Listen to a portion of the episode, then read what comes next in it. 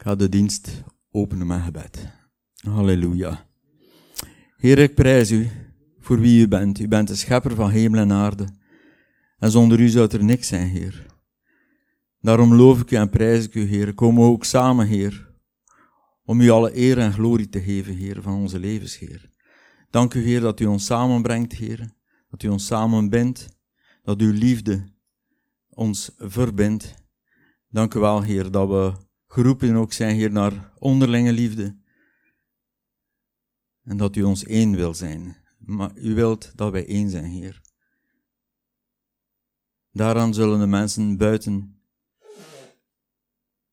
uw koninkrijk zien dat wij van u zijn, Heer, omdat wij één zijn. Dank u wel, Heer. Alle eer en glorie, Heer. Vader, beweeg, Heer, met uw geest deze morgen. Verrijk ons, Heer. U laat ons niet verweest achter, Heer. Dank u wel, Heer, voor uw koninkrijk. Dank u wel, Heer, dat we gekocht en betaald zijn, Heer, door uw bloed, Heer Jezus. Halleluja. Dank u, Heer, voor uw ontferming ook.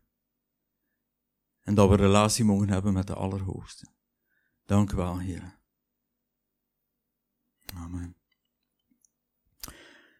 Ik heb uh, een lied of vier aanbidding uitgezocht.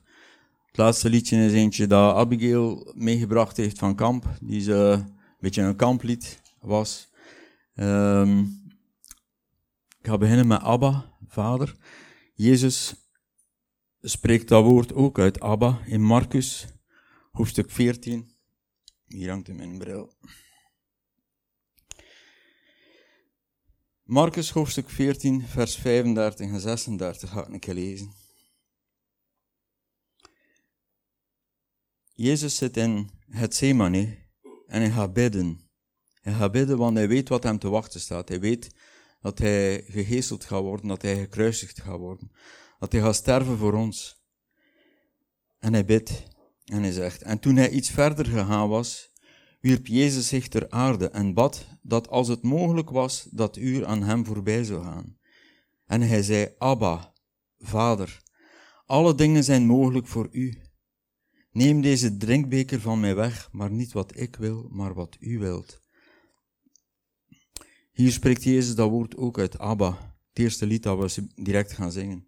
En het is geen, het wordt ook vertaald naar, naar papa, maar het is geen kinderlijke papa. Het is een vader, het is een, een woord van dat vertrouwen en respect uitstraalt. Het is een woord dat relatie uitstraalt.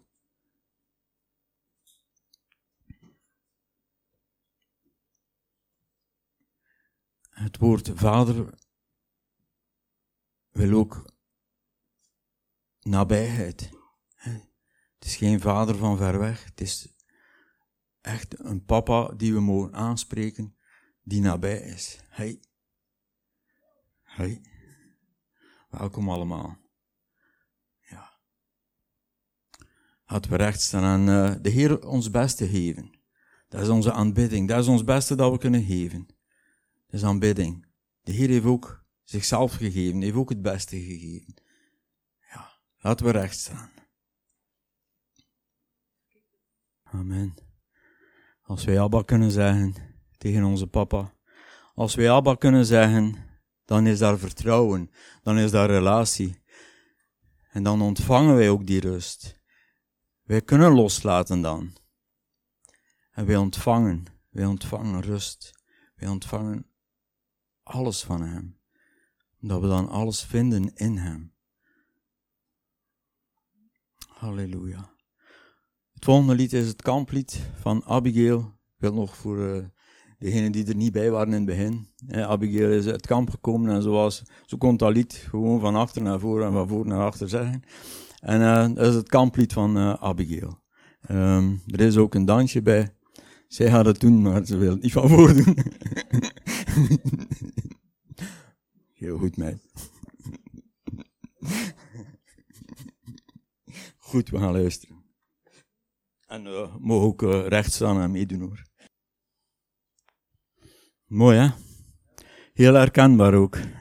Heel herkenbaar. Hè? Paulus herkende het ook. Hè? Hij schreef zelf over die innerlijke strijd die hij heeft, over uh, geest en vlees. De strijd die daar is. Hij haat wat hij doet, maar wat dat hij wil doen, dat doet hij niet.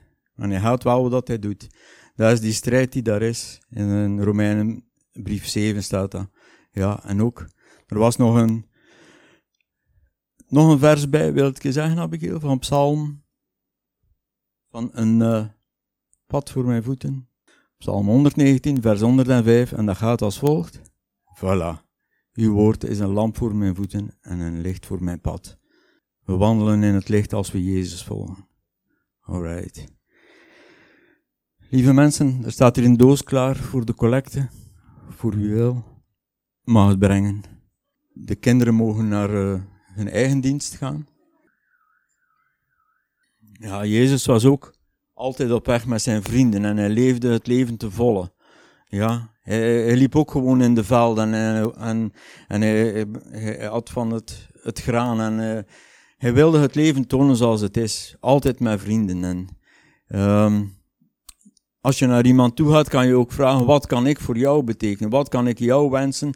Wat heb je, heb je een nood? En samen ook voor, bid er over. Ja, ga maar naar elkaar toe. En uh, wat wens je een ander toe? Goed.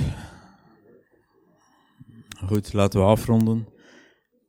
Neem de zegen mee. Neem de zegen mee, doe er iets mee. Ja. Een woord van God komt nooit ledig terug naar hem.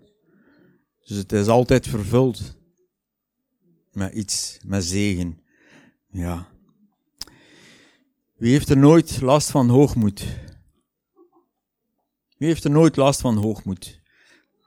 Oh, ik wens dat ik er iemand zijn de vinger omhoog stak. Niemand? Oké. Ik heb een beetje insight, information. Het woord gaat over hoogmoed, dus ik ga het woord aan uh, Sabine overlaten. Goedemorgen. En degene die ik nog niet gezien heb, welkom. We gaan het vandaag dus inderdaad over hoogmoed hebben. Ik ben er al een tijdje mee bezig. En dan bekijkt u eigen gedrag ook wel een keer.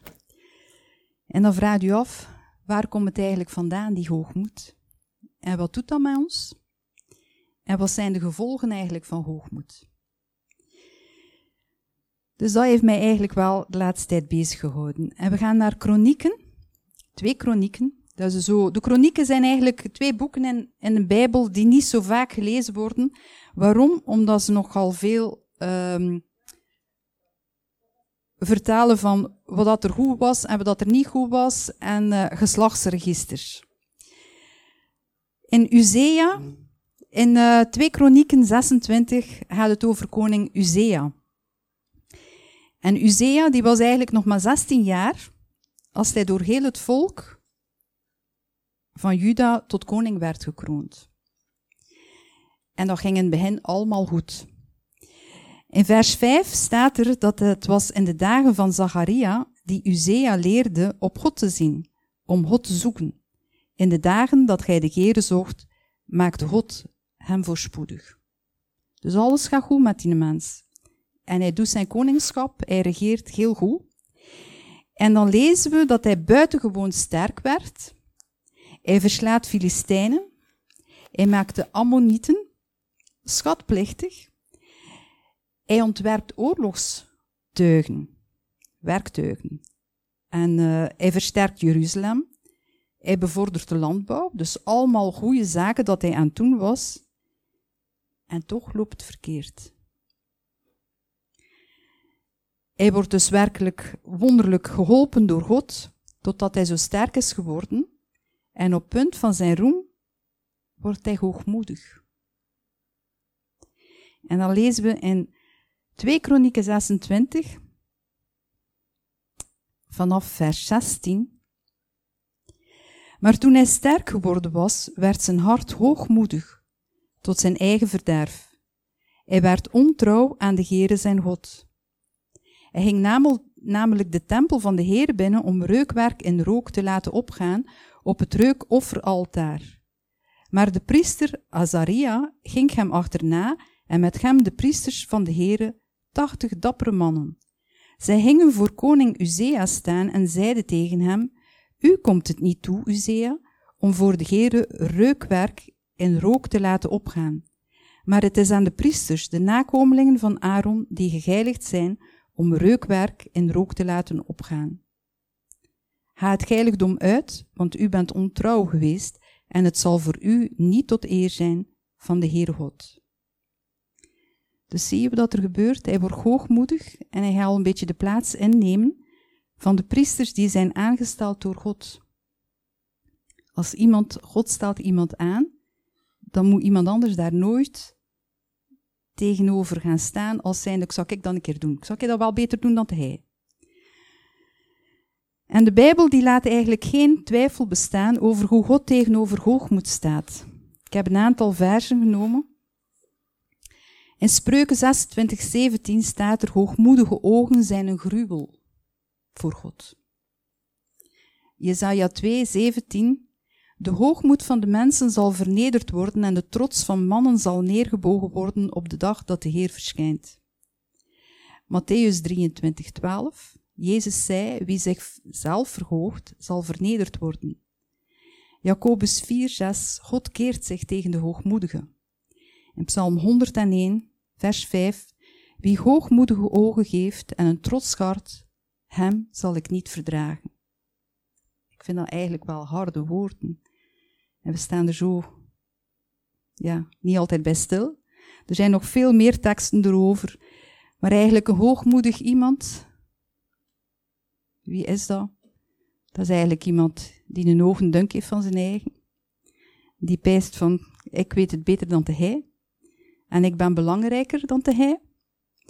En als het nodig is, zal ik mijn belangen en mijn rechten verdedigen, al kost mij dat dat hij in de plaats, um, ja, al is dat de kosten van u. Hoogmoed is ook altijd iets wat ruzies veroorzaakt. Of dat dan nu thuis is, op het werk, op school, tot zelfs in de kerk toe. Het prikkelt de competities onder de mensen op allerlei terreinen in het leven. En begin eigenlijk al vroeg, want meisjes die willen er beter uitzien dan de andere meisjes en jongens die willen dapperder zijn dan de andere jongens. En er is eigenlijk helemaal niets mis mee om tegen uw kind te zeggen, maar hij ziet er schoon uit. Ik zeg ook dikwijls een keer tegen ons Abigail van, hij ziet er goed uit, meisje. En ik denk dat dat haar ook streelt, dat is goed. Maar wanneer gaat het verkeerd? Als je zegt, je moet zien dat er schoner uitziet dan de anderen, hè? dan werkte in die geest werkte dan een competitie op. En dat is net zo met jongens ook, van, je moet zien bij de voetbal dat het beter doet. Hè? Maar, maar dat hij, hè, dat hij uit de weg is en kom maar in zijn plaats. Dan zitten we eigenlijk een beetje ernaast, omdat we dan eigenlijk met die, die trots die erin komt, is eigenlijk de trots die ze krijgen door de eer van anderen, andere mensen die tot hen zeggen van, oh, hij heeft dat goed gedaan. En, hij, en dan gaan ze gaan vertrouwen op de reacties van mensen. Dus kinderen leren zo dat hun waarde afhangt van het overtreffen in de anderen, van anderen en dat ze meer kunnen dan de anderen, meer hebben dan de anderen, meer macht krijgen dan de anderen. En zo, ga zo maar door. In 1 Johannes 2, 16 zegt dat al wat in de wereld is, de beheerte van het vlees, de beheerte van de ogen en de hoogmoed van het leven, is niet uit de Vader. Maar het is uit de wereld. En als we kijken in onze samenleving, dan is eigenlijk alles gevoed door hoogmoed. Je moet maar kijken in de media, reclame, films, schoolprestaties, het zakenleven, sportwedstrijden en noem maar op.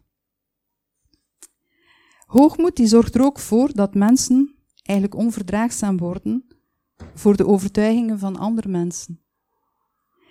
Daartegenover staat dat waar nederigheid de plaats krijgt die het toekomt, zal er eenheid de overhand krijgen. En er is niets mis mee om aan uw overtuiging vast te houden. Maar we moeten wel nederig genoeg zijn om te kunnen erkennen dat onze kennis over God niet volledig is. En eigenlijk maar heel klein. Nu, waar komt die hoogmoed vandaan? Op een bepaald moment was er opstand in de hemel. En dat vinden we in Jesaja 14, van 13 tot 14. Daar staat er over de aartsengel uh, Lucifer, die in zijn hart zei, ik zal opstijgen naar de hemel, tot boven Gods sterren zal ik mijn troon verheffen. Ik zal zetelen op de berg van de ontmoetingen aan de noordzijde. Ik zal opstijgen boven de wolkenhoogten en ik zal mij gelijk, gelijkstellen aan de Allerhoogste. Het is die hoogmoedige houding die ervoor zorgde dat Satan uit de hemel werd geworpen. En die denkrichting en die hoogmoedige houding zit eigenlijk nog altijd in onze wereld, in onze gevallen wereld. In Johannes 5, 19 staat er, de hele wereld is in de macht van hem die het kwaad zelf is. Nu, Satan die gebruikt de hoogmoed om jaloersheid, kwaadheid, moord en dergelijke op te wekken bij de mensen. En hoogmoed is eigenlijk de natuur van de duivel, net zoals liegen. De duivel is eigenlijk de vader van de leugen en hij zal u altijd proberen wijsmaken van, maar hij zei ze zo niet, hè? Je wil jij niet uzelf promoten? Of je wil jij u niet aanprijzen dat je het beter doet dan een ander? En dat je het beter weet dan een ander?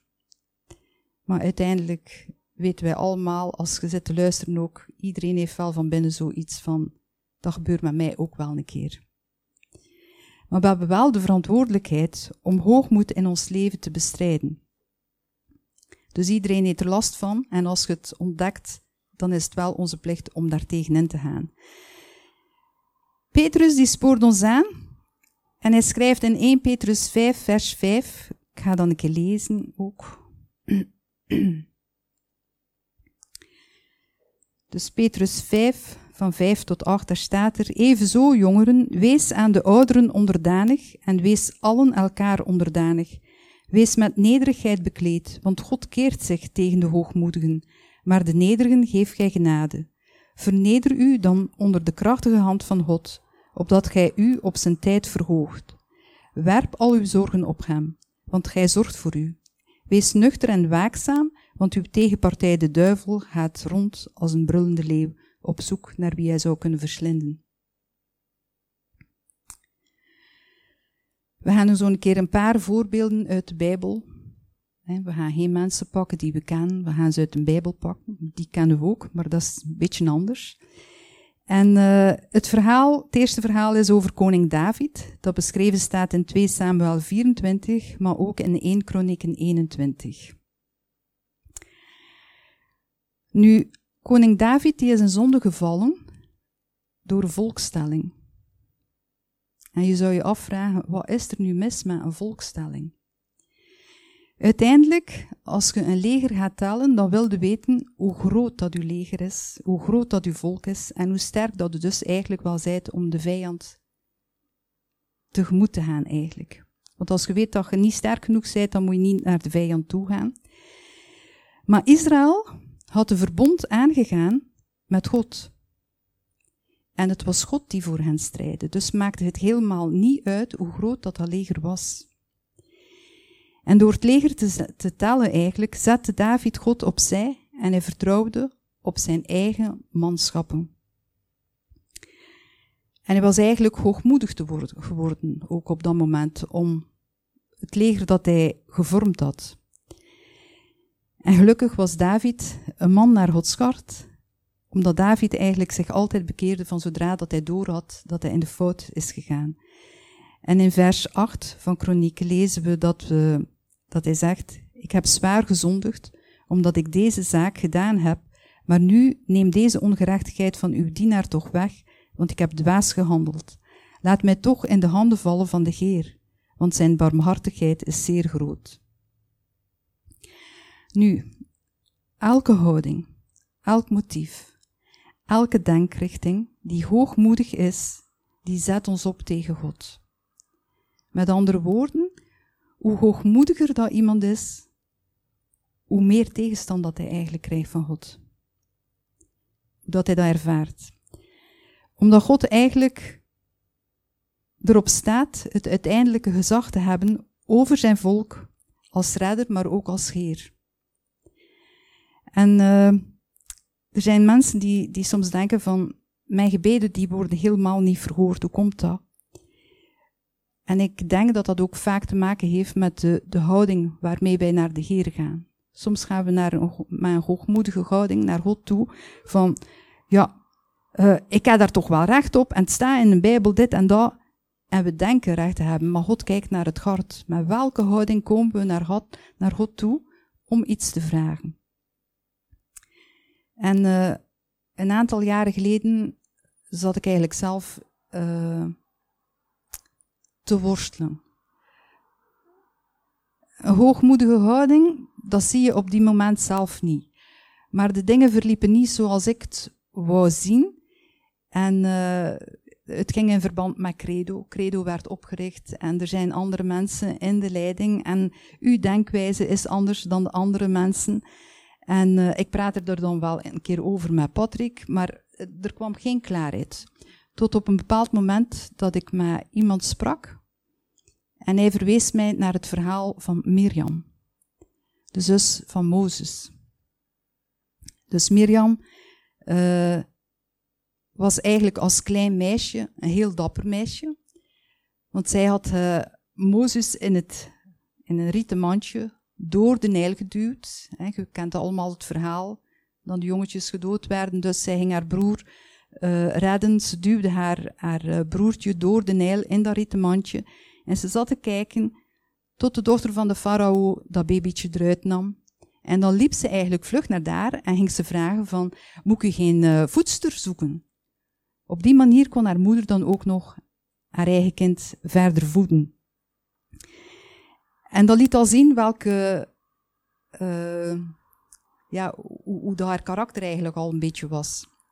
Een dapper meisje. Maar Mirjam die groeide uit tot ook een voorvechter van haar jongere broer, als hij dus ouder was. En werd gezien van uh, Mozes, die ging tussen volk uitleiden. En uh, zij stond hem altijd bij, ook in grote moeilijkheden met de Israëlieten in de woestijn.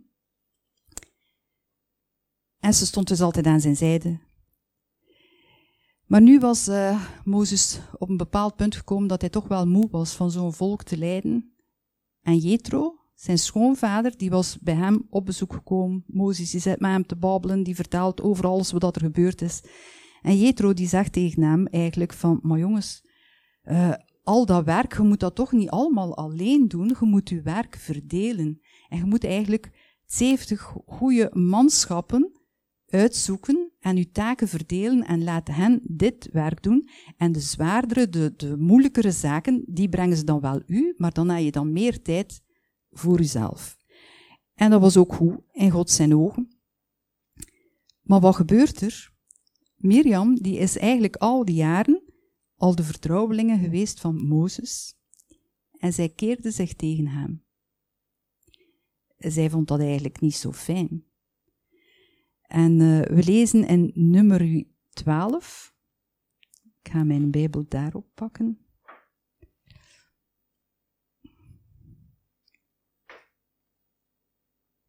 In nummer 12. Dat zij met haar broer Aaron tegen Mozes spraken. En het is duidelijk dat Mirjam hier eigenlijk de leiding neemt, want haar naam die staat eerst vermeld. En ik kan mij eigenlijk ook wel inbeelden dat ze eerst met Aaron, haar andere broer, gesproken heeft en gezegd van, kom, hem een keer gaan zeggen tegen Mozes, want het is toch wel waar, zeker, wij hebben toch ook woorden van God gebracht. En Aaron, die is daarin meegegaan in haar verhaal. En dan heeft ze vragen. En uh, ze wilde eigenlijk weten of de Heer alleen door Mozes had gesproken. Hij heeft toch ook door ons gesproken. En deze vragen, die laten eigenlijk zien dat ze een nauwe relatie had met Mozes. En dat die nauwe relatie haar blind maakte voor het feit dat Mozes een veel diepere wandel had. Maar God dan zij. Want de Heere sprak met Mozes van aangezicht tot aangezicht, staat er in Exodus 33, 11. En Mirjam die was dan wel een profetes. En ze koos steeds moedig de kant van de Heer, telkens als anderen in opstand kwamen tegen hem. Maar nu maakte ze eigenlijk wel een grote fout. Omwille van de menselijkheid van haar broer. Want wat was er eigenlijk, hetgene dat er verkeerd ging, Ze wou eigenlijk een keer laten zien, haar kleinere broer had dus een relatie aangegaan met een, moet, zien dat ik het goed uitspreek, een Cushitische vrouw. En dat was eigenlijk verboden door God om een vrouw te nemen uit een ander volk. En zat dus eigenlijk een hoogmoedige houding tegenover Gods gezag geplaatst. En hoe kunnen we dat zien? Ze eigenlijk gezegd hè, van Mozes die maakt fouten. In Matthäus 10, 36 staat er ook dat iemands huisgenoten zullen zijn vijanden zijn. Hoe komt dat? Omdat we ook vandaag zien we dat christelijk gezin, we zijn allemaal anders onder elkaar, maar je ziet nooit bij de anderen in het gezin wat er werkelijk van binnen omgaat. Je kunt wel uiterlijke dingen zien, maar, maar wat er van binnen in het hart gebeurt, dat kun je eigenlijk nooit weten. Vandaar dat het ook gemakkelijk is om op de ander kritiek te geven op de houding. En uh, hier in dit geval, degene die dichtst bij Mozes staan, die zien dan ook dat hij eigenlijk maar een gewone mens is. Maar Mirjam die had eigenlijk dan ook vergeten dat hij uitverkoren was van God. En waarom stond ze dus nu tegen haar broer? Wat was de aanleiding? Als familielid van de leider had zij een bevoorrechte positie. Voor meer dan een miljoen mensen. Een eervolle positie die haar geestelijk leven beïnvloedde, want macht bederft een mens. Dat is ook de reden waarom dat Paulus aanraadt dat eigenlijk niemand te snel in een leiderspositie mag komen in een kerk. Dat staat in 1 Timotheus 3, vers 6. En uh, een ander puntje dat waarschijnlijk ook meespeelde in haar opstandigheid, dat kunnen we halen uit haar woorden, en dat is, heeft God ook niet door ons gesproken? Dus op die manier is ze eigenlijk ook Aaron aangezet om tegen zijn broer in te gaan. En waarschijnlijk heeft Mirjam als profetes verschillende keren, heel veel keren, eigenlijk het woord van God mogen uitspreken. En begon ze misschien te denken van dat ze op gelijk niveau stond van Mozes. En ze was eigenlijk op dat punt gekomen dat ze eigenlijk een beetje aan het pronken was met de haven van de Heer. Terwijl dat we altijd moeten bedenken dat het verkrijgen van de haven nooit boven de gever staat van de haven. Het is ook boeiend om te merken dat in nummer 3 staat er, maar de man Mozes was zeer zachtmoedig, meer dan alle mensen die op de aardbodem waren. Hij was dus zo zachtmoedig dat het hem eigenlijk weer hield om hem te verdedigen. Want hij wist wel, Mirjam had ergens gelijk in zijn spreken en hij was fout gegaan. Maar doordat hij zo zachtmoedig was, gaf hij eigenlijk de Almachtige de ruimte om voor Mozes zelf te strijden. En wij zijn ook vaak zo, wij willen dikwijls onszelf verdedigen. Als we ergens fout zijn, we weten eigenlijk wel van binnen zijn dat we fout zijn, maar we gaan ons toch verdedigen tot het einde toe. Maar als je zachtmoedig bent en je kunt gewoon toegeven, ik ben daarin mis geweest, dan is dat iets dat God eigenlijk zeer waardeert, de nederige. Dus Mozes was niet zomaar een profeet, hij was geroepen om de stichter en de beheerder te zijn van het koninkrijk Israël en God had hem trouw bevonden. De geschiedenissen en de Bijbel die laten ook zien dat God op andere momenten zo reageerde dat hij mensen volledig uitroeide. Maar hier krijgt Aaron gewoon een terechtwijzing en Mirjam die krijgt een week melaatscheid.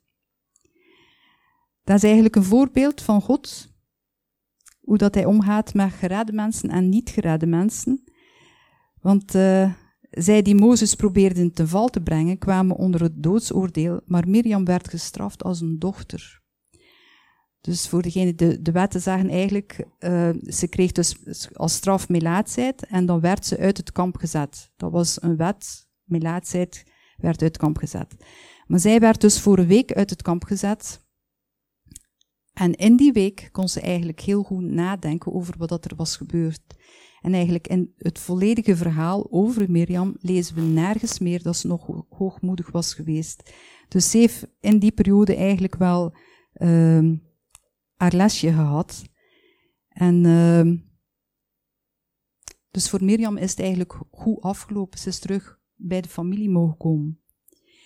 Maar een voorbeeld van hoogmoed, uh, iemand die door hoogmoed ten val is gekomen, zijn leven is eigenlijk verwoest geweest door hoogmoed, is eigenlijk de eerste koning van Israël, Saul.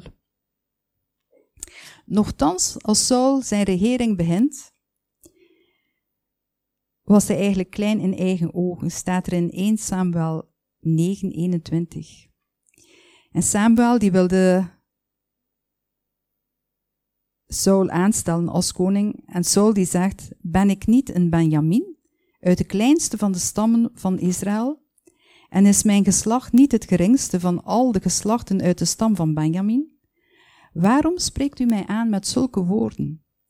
Dus Saul had geen ogendunk over zichzelf. Maar zijn nederige menselijke houding verdween eigenlijk snel als hij na een tijd enkele overwinning behaalde. Hij werd al een beetje hoogmoediger. En uh, de eerste tekenen van hoogmoed die kwam opzetten, vinden we terug toen hij op eigen houtje de Heere ging offeren. Terwijl dat Saul moest wachten, zoals hem opgedragen was door uh, de profeet. En God wil de echtheid van zijn dienaren zien en toon niet eerder zijn volheid van zijn gunst en vertrouwen dan dat ze beproefd zijn. Abraham die is beproefd geweest en trouw bevonden. Mozes is beproefd geweest, trouw bevonden. David, Daniel, dat waren allemaal geen mensen die geen fouten hadden, maar ze konden eigenlijk met een oprecht hart toegeven van, we hebben verkeerd geweest. Saul daarentegen is iemand die, nadat hij in zijn hoge positie zat, en hij werd dus uh, ook herhaaldelijk beproefd, maar hij ging zelf herhaaldelijk in tegen de heren. Dat is ook de reden waarom dat hij verworpen werd en zijn koningschap werd afgenomen. Dat verhaal kunnen we lezen in 1 Samuel 15. De Saul krijgt de opdracht om de Amalekieten te vernietigen. Maar eerst gaat Samuel hem eraan herinneren dat God Saul uitgekozen heeft als koning. Daarmee wou hij eigenlijk zeggen, je moet precies doen wat God u opdraagt. Nu, waarom moesten de Amalekieten eigenlijk uitgeroeid worden?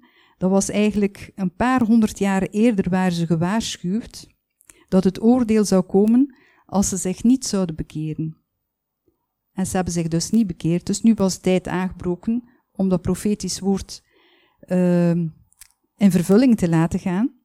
En Saul was degene die verantwoordelijk was om dat te doen. Maar Saul die koos er eigenlijk voor om maar gedeeltelijk te gehoorzamen. En gedeeltelijke gehoorzaamheid is eigenlijk niet gehoorzamen. Want wat deed hij? Hij moest iedereen uitroeien, maar hij hield de koning in leven als een soort trofee voor hem. En hij liet ook de dieren in leven als ja, een, een iets voor zijn soldaten. Ze hadden dat eigenlijk wel verdiend. Maar het meeste waar hij eigenlijk God mee uh, kwaad maakte, was eigenlijk, hij hield een overwinningsfeest en hij liet een gedenkteken oprichten voor zichzelf. Zie een keer wat ik gedaan heb. Ik heb dat toch goed gedaan, hè? En eigenlijk, als hij dan erop aangesproken was, van de opdracht van God was om heel dat volk uit te moorden, dan had hij ook zoiets van, maar hij zag het gewoonweg niet in dat hij fout was door ene persoon te laten leven.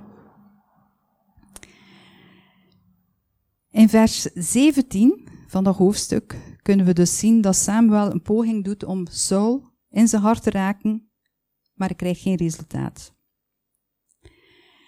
Mirjam, die was tot inzicht gekomen. En uh, hier zien we dus dat Saul die hem in positie had gesteld van koning, die komt niet tot inzicht. Terwijl het was eigenlijk God die hem de gunst van het volk gaf, die hem overwinningen over de vijanden van Israël had gegeven. Maar in Saul zijn ogen had hij allemaal alleen gedaan en allemaal zijn werk. Dus Sauls grote zonde was niet zozeer dat hij niet elk detail van de opdracht vervulde, maar hij had zich in het hart tegen God vergeven. Het woord van de Heere had hij verworpen en zich daarmee van achter de Heere afgekeerd. Het hart is zichtbaar voor de Heere. En in Hebreeën 4, 13 staat er, er is geen schepsel onzichtbaar voor hem, maar alles ligt naakt en ontbloot voor de ogen van hem, aan wie wij, wij rekenschap hebben af te leggen. Wat kunnen we leren eigenlijk uit Saul zijn leven? Dat is, ten eerste is gehoorzaamheid aan God een zaak van het hart. En Saul deed uiterlijke dingen die op gehoorzaamheid leken, maar in zijn hart was hij meer uit op de eer van mensen dan op de eer van God. Een ander puntje is dat uh, voor God het belangrijker is om trouw te zijn in kleine zaken dan het neerzetten van grote prestaties voor God. Dus in het dagelijkse leven moeten we eigenlijk leren ons te onderwerpen. En uh, zoals Samuel ook zei, gehoorzamen is beter dan een offer. Een andere les die we uit Saul zijn leven kunnen leren, is dat we het goede in ons leven moeten toeschrijven aan God. Dat we niet groot in eigen ogen zijn. En uh, dat we niet denken, al het goede, kijk een keer zien we dat ik gepresteerd heb en wat dan ook. Maar dat we echt niet vergeten dat, uh, dat God ons zegent. In Romeinen 1, 21 staat er dat uh, als je je verheft, jezelf verheft in eigen ogen en weigert. Nee, ik ben verkeerd.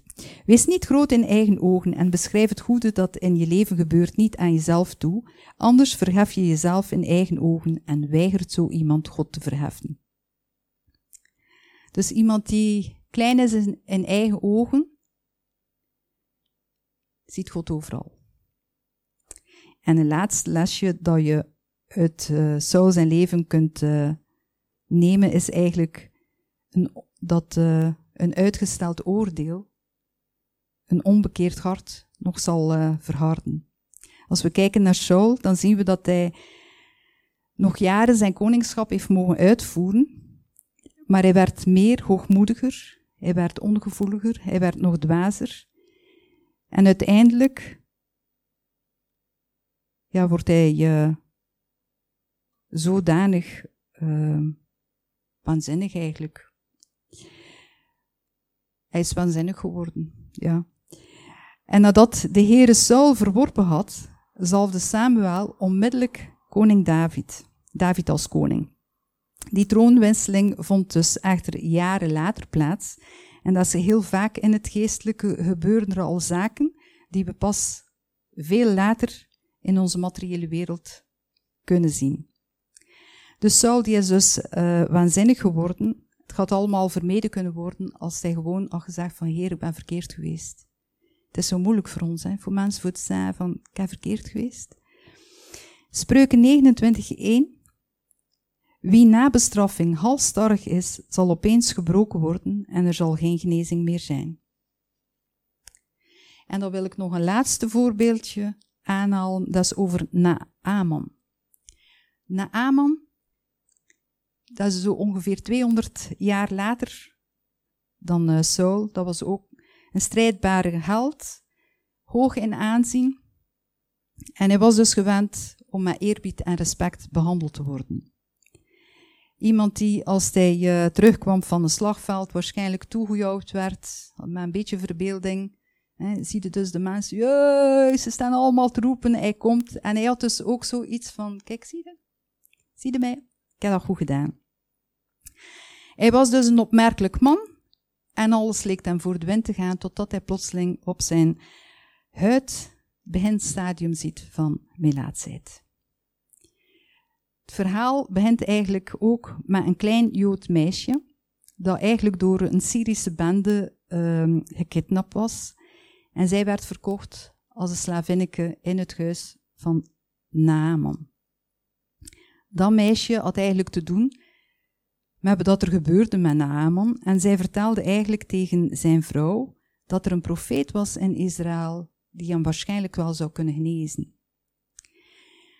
Deze grote bevelhebber werd door zijn situatie op zoek naar genezing eigenlijk gedwongen op de aanwijzingen van de slavin in te gaan.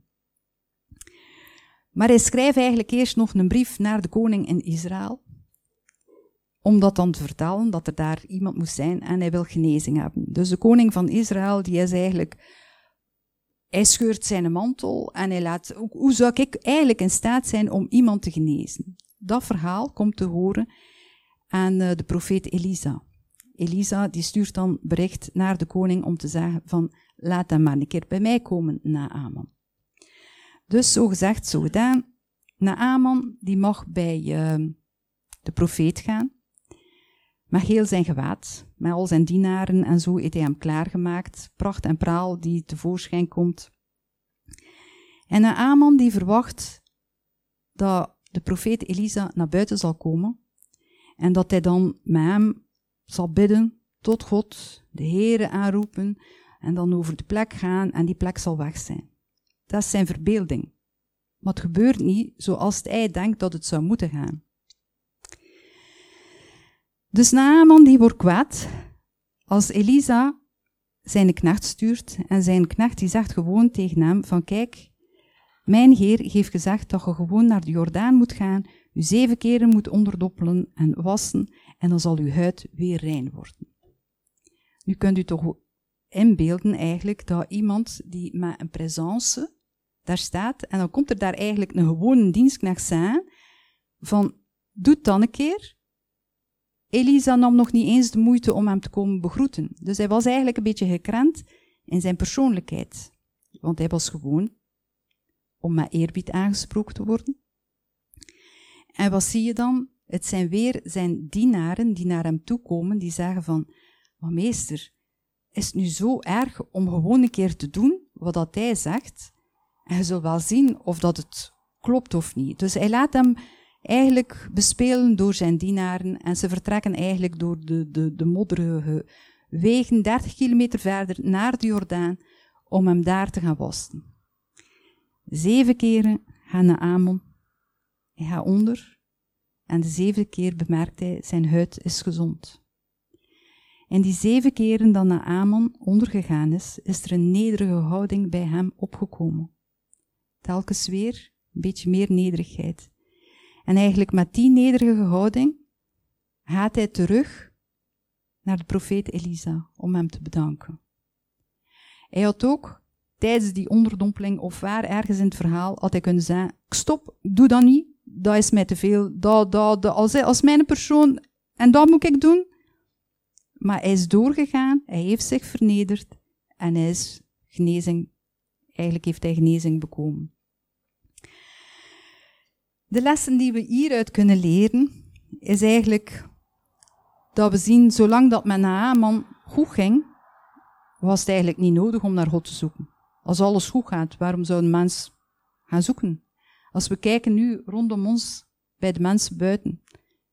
Veel mensen, ze hebben niets tekort, het gaat hen goed, dus waarom hebben ze God eigenlijk nodig? En het tussendoortje, ik denk er in één keer aan. Ik, had een, ik heb een schoonbroer. We hebben jaren voor hem gebeden. En hij had ook altijd de houding van, kijk, ik had niet nodig. Hij had wel zijn dochterke voorgelezen uit de Bijbel en hij vond het goed dat zijn vrouw naar de kerk ging. Maar voor hemzelf, kijk, ik dan niet nodig. Het gaat je allemaal goed. Kijk ik al wat ik wil, waarom, wat kan God daar nog aan toevoegen? Tot op een bepaald moment dat hij zich zo slecht voelde, zo slecht, dat hij dus hulp inriep en uh, dat hij ja, naar mijn zus gebeld die op haar werk was van, uh, je moet iets doen, ik heb hulp nodig. En uh, uiteindelijk, voordat mijn zus thuis kwam, was hij dan bij mijn broer gegaan en mijn broer die zei, ik moest niets meer doen. Alles wat ik zei was goed, hij heeft hem bekeerd. En uh, ja, nu gaat hij ook mee naar de dienst, dus ze gaan als gezin naar de dienst. Maar ik wil maar zeggen, soms gaan er meer dan 30 jaar over een mens leven, totdat ze eigenlijk inzien van, ik heb God wel nodig. Want je kunt alle luxe hebben, je kunt, je kunt gezond zijn, je kunt alles hebben. En denken van, Maar God is, is, is die, die, die meerwaarde in uw leven. Die voldoening, dat plekje dat in uw hart leeg is, kan God vullen. En dat is uh, zo nodig. Het is ook interessant om te zien dat Naaman eigenlijk alle aanwijzingen ontving van zijn slaven. Eerst was er het kleine meisje, dan waren er eigenlijk uh, de, de slaaf van uh, Elisa, de dienaar, die hem kwam zeggen wat hij moest doen.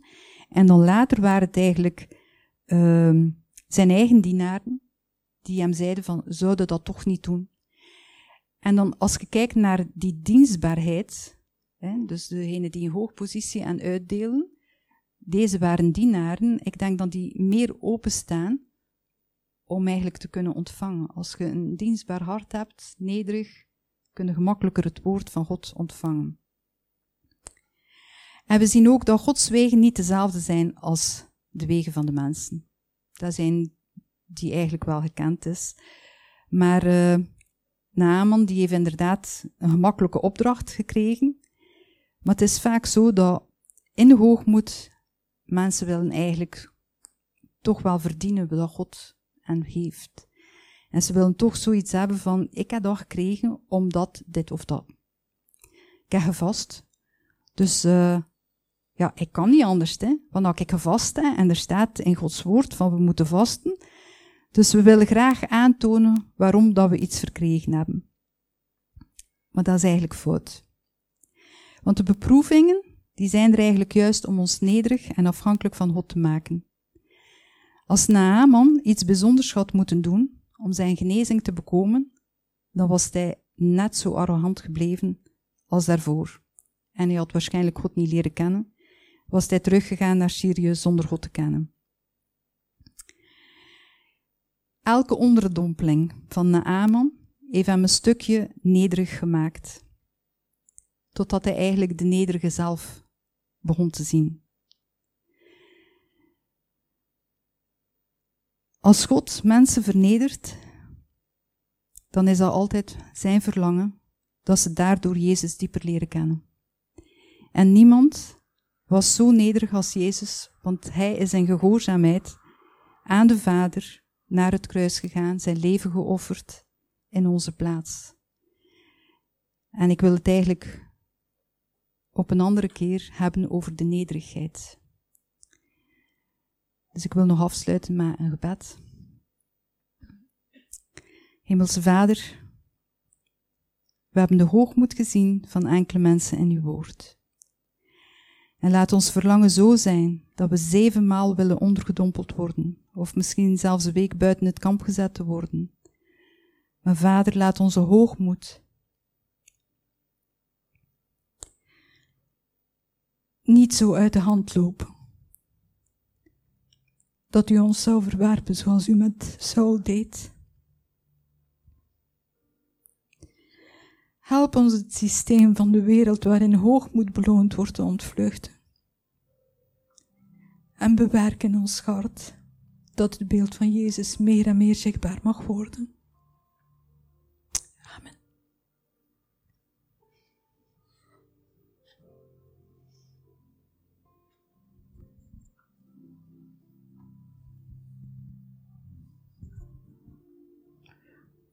Dank u wel. Dank u wel, Sabine, om allemaal te tonen de voorbeelden in de Bijbel. Halleluja. Wat God denkt over hoogmoed. Als er iemand gebed nodig heeft straks, kom gerust naar voren. Sabine en ik zullen hier zijn om te bidden. Het is half twaalf, ik ga de dienst afsluiten. Een zegen over de gemeente uit te spreken. Hemelse Vader, toon ons, Heer, in onze levens waar nog hoogmoed is, Heer.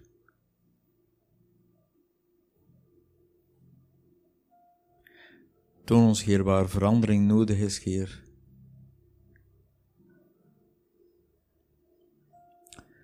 Dank u wel, Heer, voor Matthäus 5, waarin u de zaligsprekingen heeft. Waar uw hart is, Heer, bij de mens.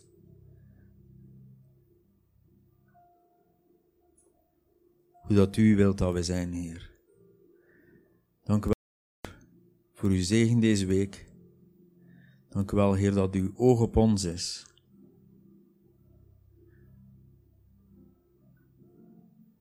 Dank u wel, Heer, dat u met ons meegaat.